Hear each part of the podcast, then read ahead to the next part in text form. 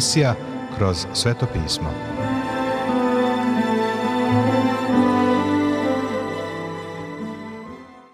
Dobroveče, poštovani slušaoci i dobrodošli u još jednu emisiju programa Kroz sveto pismo, programa koji je za vas napisao Vernon McGee, a pročitao Branko Bjelajac. Želimo vam prijetno i blagoslovljeno slušanje.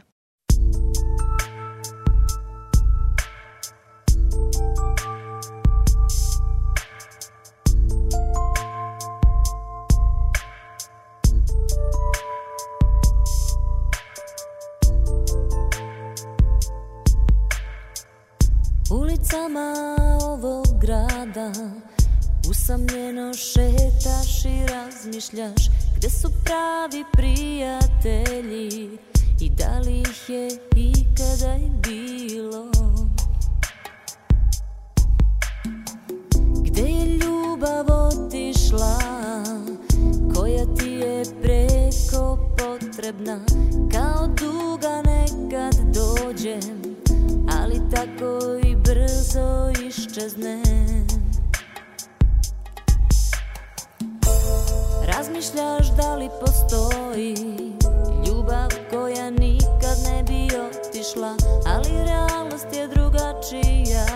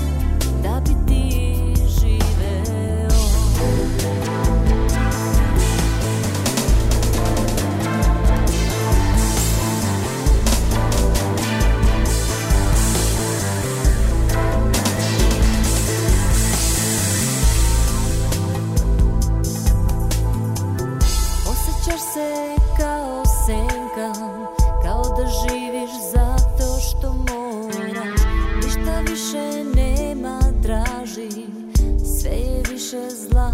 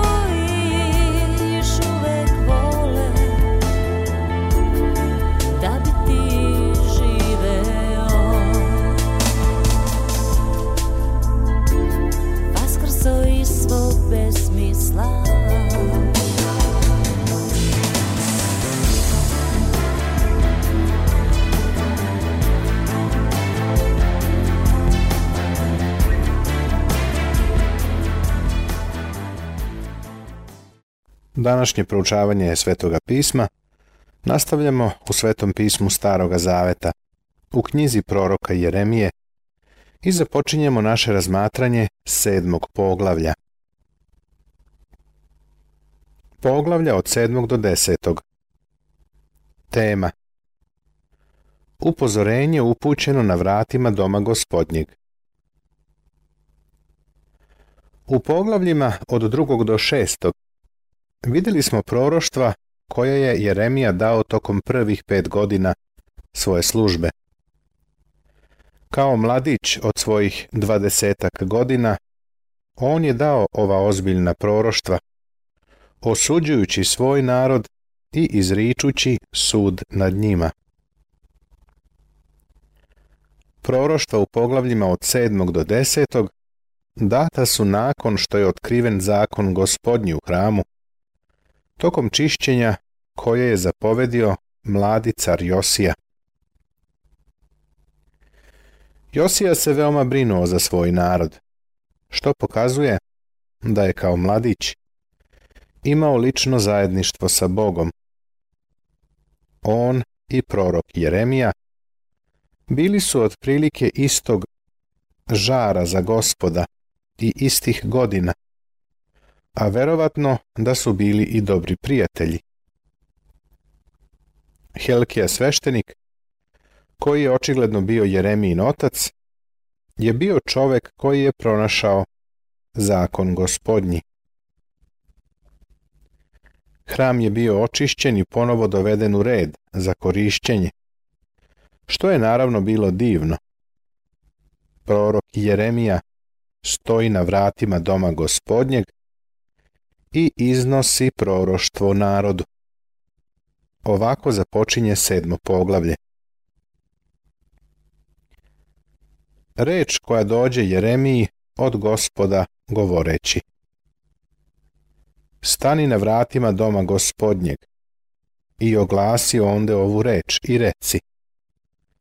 Čujte reč gospodnju, svi judejci koji ulazite na ova vrata, da se poklonite gospodu. Stani na vratima doma gospodnjeg. Ima nekih koji misle da je ovo vrlo nalik na proroštvo, koje nalazimo u 26. poglavlju knjige proroka Jeremije. Proroštvo jeste slično, ali možeš primetiti da je ono dato u tremu doma gospodnjeg. On više nije stajao na vratima, već je otišao u trem. To proroštvo je dato tokom vladavine drugog cara. Međutim, poruka je uglavnom ista. Prorok Jeremija nije promenio gledište. Hram je bio popravljen i zakon pronađen i narod se masovno vraćao u hram. Povratak u hram je popularan, pa ljudi razgovaraju o povratku Bogu. Mladi prorok Jeremija sluša razgovor ljudi i upućuje im sledeću poruku. Molba da poprave svoje puteve. Ovako govori gospod nad vojskama, Bog Izraelov. Popravite svoje puteve i dela svoja, pa ću učiniti da stanujete na ovom mestu. Očigledno je da oni idu u hram i da se vraćaju službi u hramu ali da uprkos tome u njihovom životu nema prave promene. I dalje žive onda, kao onda kada su obožavali idole. U ovo vreme, probuđenje je bilo samo na spoljašnjem nivou. Doći će vreme kada će ono biti mnogo stvarnije, ali sada je to samo jedan spoljašnji pokret. Videli smo stav naroda. I to je bilo ono što brine proroka Jeremiju. Ne uzdajte se u lažne reči govoreći crkva gospodnja, crkva gospodnja, crkva gospodnja ovo je. Možeš zamisliti kako se narod osjećao u vezi sa ovim. Uzvikivali su, Pogledaj samo hram, zar nije divan? Zar nisu uradili divan posao kada su ga popravili? Divno je vratiti se u hram kao u staro vreme. Vidiš, u vezi sa hramom je zavladao entuzijazam, ali nije bilo istinskog povratka Bogu. To je ono što je primetio prorok Jeremija. Zato on kaže, ne verujte tim lažljivim rečima koje govorite. Ponašate se kao da je povratak u hram najvažnija stvar na svetu. Ako pogledaš drugu knjigu dnevnika i pročitaš poglavlja 34. i 35. To će ti koristiti da razumeš šta se u ovo doba istorije dešavalo. Ono što se desilo zaista je bilo divno. Helkije je knjigu zakona dao Safanu, koji ju je pročitao pred carem. A car je okupio sve starešine iz Jude i Jerusalima, a oni su trebali da je čitaju pred narodom. Onda su pred gospodom učinili zavet da će živeti i hodati pred njim. U Jerusalimu su slavili Pashu. I ne bi Pasha praznovana kao ova u Izraelu od vremena Samuila proroka, niti koji od careva Izraelovih praznova Pashu, kao što je praznova Josija sa sveštenicima i levitima i sa svim judom i Izraelom što ga se nađe i sa Jerusalimljanima. 18. godine carovanja Josijinog praznovana bita Pasha. Ovo je zapisano u 18. i 19. stihu 35. poglavlja druge knjige dnevnika u Svetom pismu Staroga Zaveta.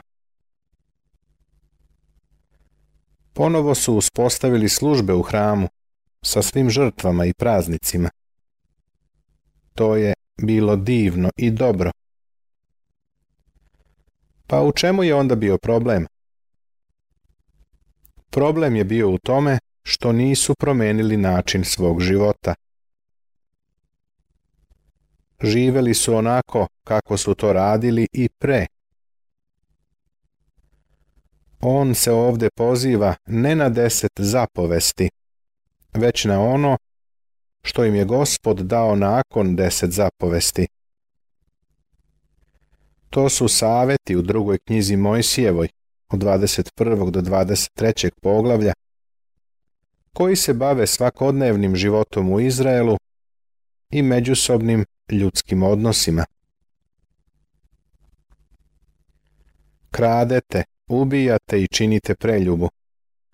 Kunete se krivo i kadite valima i idete za drugim bogovima kojih ne znate. Pa onda dohodite i stajete predamnom u ovom domu koji se zove mojim imenom i govorite izbavi smo se da činite sve ove gadosti. Iako su ljudi pričali o tome kako je hram divan, i dalje su obožavali vala. Njihova filozofija bila je ova. Pošto je hram obnovljen, a oni su makar u subotu Bogu odavali počast, onda će ih on štititi. Istina je da kada se narod istinski obrati Bogu, on hoće da ih štiti. Ali oni su se oslanjali na činjenicu koja se nije na njih odnosila. Bili su prikupili značajan prilog za ponovno zidanje hrama, pa su smatrali da je to sve što je potrebno za Božiji blagoslov. Ne znam ni za jednu knjigu koja je podesnija za sadašnje vreme od Jeremijine knjige. Posle drugog svetskog rata došlo je do malog probuđenja. U to vreme bilo je dosta evangelista, pa je mnogo ljudi dolazilo. U to vreme ja sam počeo sa proučavanjima Svetog pisma, na koje je dolazilo najviše ljudi u Americi. Reč je o proučavanjima koja su se održavala sredinom sedmice. Tokom tog vremena mogli smo da čujemo kako pastiri govore da se poseta crkvama udvostručila i utrostručila. Stavljali su stolice između redova, zidali su nove zgrade. Crkve su se premeštale ka gradskim periferijama. Jedan pastir kojeg poznajem je sazidao divnu crkvenu zgradu na periferiju koju je moglo da stane 2000 ljudi. Rekao je, problem je bio u tome što kada sam dobio novu crkvu nisam dobio nove ljude. Oni isti ljudi su trebali da budu obnovljeni, ali nisu. Bili su to isti stari ljudi u novoj crkvi. Pogrešno su protumačili duhovni rast i razvoj. O tome Jeremija ovde govori. Sada Jeremija ide dalje. U stvari, Gospod ga je u svoje vreme citirao. Je li ovaj dom koji se zove mojim imenom u vašim očima pećina hajdučka? Gle, i ja vidim, veli gospod. Ovo je ista optužba koju je gospod Isus naveo kada je očistio hram nekoliko vekova kasnije.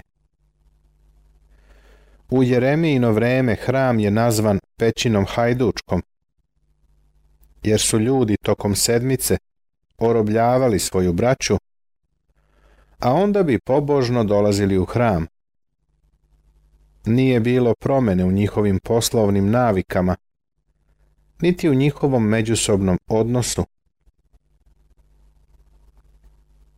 I danas ljudi misle da u velikim religioznim razmetanjima i konvencijama ima nešto vredno. Mene takve stvari ne privlače, jer ja nisam čovek neke organizacije niti se olako pridružujem. Nikada nisam uživao u organizacijama ni konvencijama. Neki ih vole. Problem je u tome što ljudi pogrešno shvataju entuzijazam i zamenjuju ga za kretanje duha Božijeg. Verovatno ću biti nepopularan kao prorok Jeremija kada kažem da ovo nije probuđenje. Ništa nije probuđenje ukoliko ne dovodi do promene života. Veslijevski pokret u Engleskoj je promenio živote. Doveo je do toga da je zamrla industrija alkohola. Stanje u fabrikama se promenilo i rezultiralo donošenjem zakona o zabrani rada dece. Bio je to duhovni pokret koji je dosegao živote ljudi. Danas želim da vidim duhovni pokret koji će dosegnuti u geto. Kada vlada dopre u geto sa takozvanom socijalnom reformom kakvu danas imamo, obično dođe do varanja i zloupotrebe sredstava, pa se opet ništa ne uradi kako treba. Nama je potrebno pravo probuđenje, što je jedino što zaista može da promeni geto. To je bila poruka Jeremije u njegovom vremenu. Možeš li zamisliti koliko je popularan bio ovaj mladić dok je stajao na vratima hrama i dok je prenosio Božju poruku? Mogu da ga zamislim. Usamljeni momak, srca slomljenog porukom koju prenosi. Ali prenosi je verno i to dovodi do delimičnog probuđenja. Sud zbog idolopoklonstva. Ti se dakle ne moli za taj narod i ne podiži vike ni molbe za njih i ne govori mi za njih, jer te neću uslišiti. Bog kaže Jeremiji. Jeremija, ne treba da se moliš za ovaj narod dok se meni ne obrate. Ovo je stih koji izaziva strahopoštovanje. Bog kaže da nema svrhe moliti se za njih.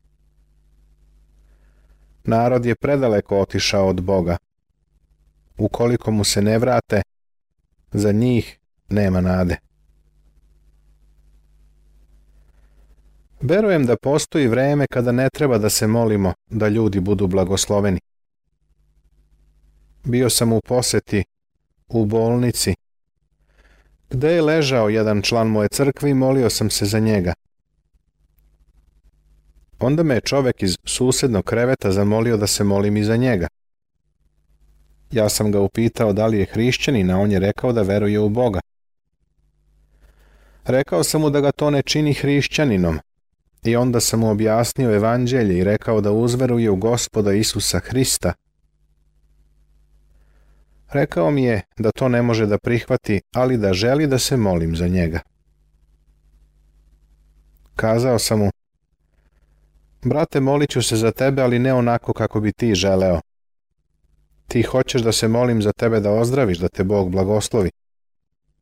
A ja ću se moliti da doživiš spasenje, To je jedina molitva koju za tebe mogu da molim. Verujem da se mi mnogo molimo da ljudi budu blagosloveni, a trebalo bi da se molimo da budu spaseni. Evo šta Bog govori Jeremiji.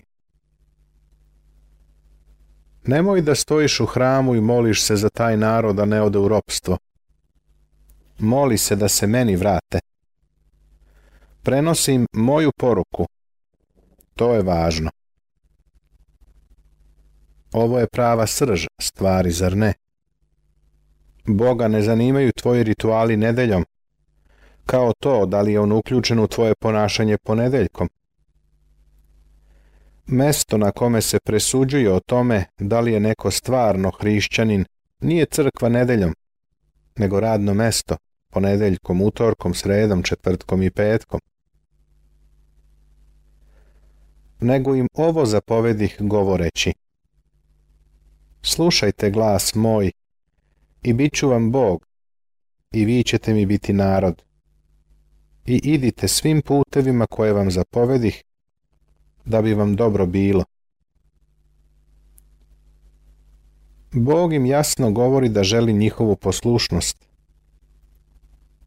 Dolazak u hram je nešto divno ali nije zamena za poslušnost. Kaže se da neki odlaze u crkvu da bi gledali kako su drugi obučeni, a drugi odlaze da bi tamo zatvarali oči. Ovo je možda istina u najvećem broju slučajeva. Njihov cilj nije da stvarno proslave Boga. Njihov život se nije promenio oni i dalje ogovaraju, i dalje druge hrišćane razapinju iza leđa, i dalje žive u svetu. Baš kao što je i Jeremin narod i dalje išao do valovog oltara i živeo bez svedočanstva o Bogu. Odlasci u crkvu predstavljaju izvesno svedočanstvo – ali računa se samo ono svedočanstvo koje daš pred svetom. Ovo je veoma stvarno i veoma lično, zar ne? Ali ne poslušaše me, niti uha svoga prignuše, nego behu tvrdovrati i činiše gore nego oci njihovi. Govorit ćeš im sve ove reči, ali te neće poslušati, i zvaćeš ih, ali ti se neće odazvati. Jeremija nije tražio od ljudi da izađu napred i javno priznaju Boga. Njegova poruka nije prošla neopaženo. Ipak, imao je obavezu da tu poruku prenese. Bog mu je rekao da uradi posao da prenese njegovu reč, čak i ako ne bude nikakvog odgovora, ili reakcije. Važno je da Bogu moramo da damo izveštaj, da mu budemo verni u širenju njegove reči i usklađivanju svoga života sa tom rečju. Nastavit će se.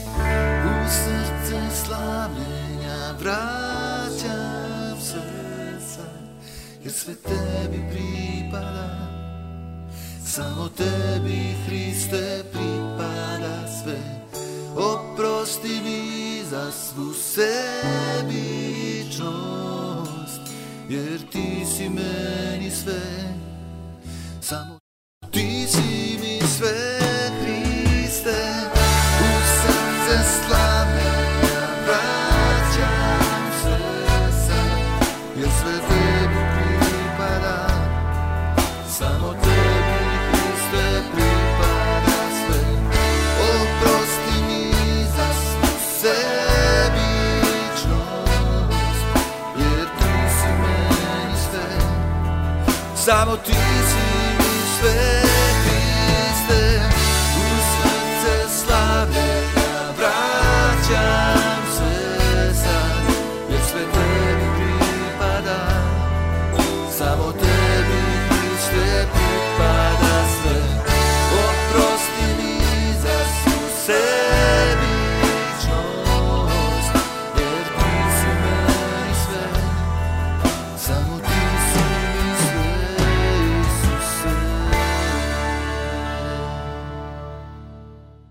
Poštovani slušaoci, završena je još jedna emisija iz serijala Kroz sveto pismo.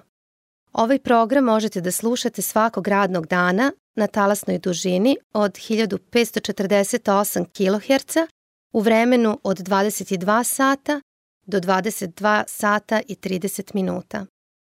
Ukoliko želite da nam se javite, da nas pohvalite ili pokudite, da nam predložite izmene kojima bismo mogli da poboljšamo naš program, ali i da vas nagradimo kakvom dobrom hrišćanskom knjigom, Novim Zavetom ili celom Biblijom. Na raspolaganju su vam telefon, elektronska pošta ili obična pošta. Broj našeg telefona je plus 381 062 396 331.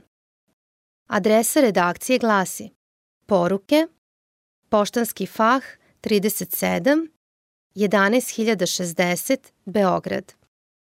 Elektronskom poštom nas možete kontaktirati na kroz svetopismo at gmail.com. Takođe, pripremili smo vam i web stranicu na kojoj možete pronaći sve naše programe. Adresa web stranice je www.twr povlaka serbia.org. To bi za večeras sa naše strane bilo sve. Pozdravljaju vas i žele vam Božiji blagoslov, Branko, Nebojša i Monika. Laku noć.